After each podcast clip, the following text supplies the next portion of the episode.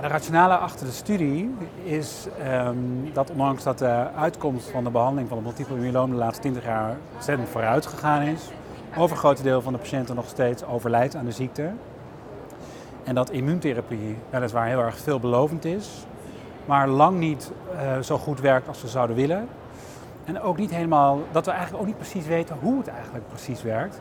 En het idee achter deze studie was om te kijken in een groot patiëntencohort of we op een wat systematische manier in kaart konden brengen welke dominante mechanismen van uh, immuunevasie hier nou daadwerkelijk van toepassing zijn bij, bij het multiple myeloom.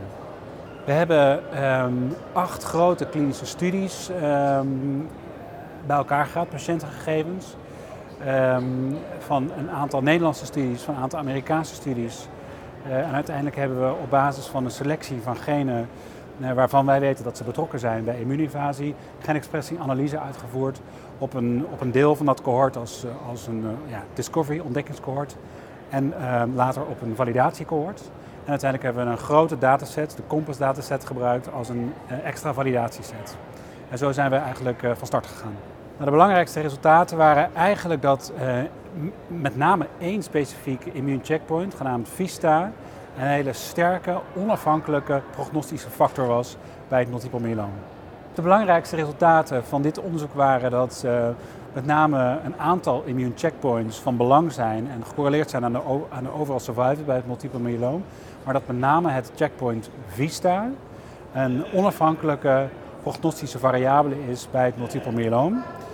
En dat is gekomen uit genexpressieanalyse op mRNA-niveau. En vervolgens hebben we ook uh, op eiwitniveau gekeken door middel van acht kleuren multiplex uh, immunohistochemie. Of dat immuun checkpoint VISTA ook daadwerkelijk tot expressie komt in die, die, in die tumoren.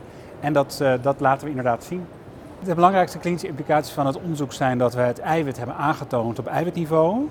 Um, in, in, bij, in, bij het multiple myeloom. Vervolgens zullen we nog moeten gaan kijken op welke cellen komt het nou eigenlijk tot expressie. Komt het nou op de multiple myeloomcel tot expressie of komt het meer in het zogenaamde tumormicromilieu tot expressie? En het is een target waar tegen ook um, antibodies uh, tegen in ontwikkeling zijn. Dus de rationale zou zijn om tegen, die, um, tegen dat eiwit een blocking agent te gebruiken. Om zo uiteindelijk een dominant mechanisme van immuuninvasie uh, te kunnen overkomen met een, met een, met een, met een blokkeerstrategie.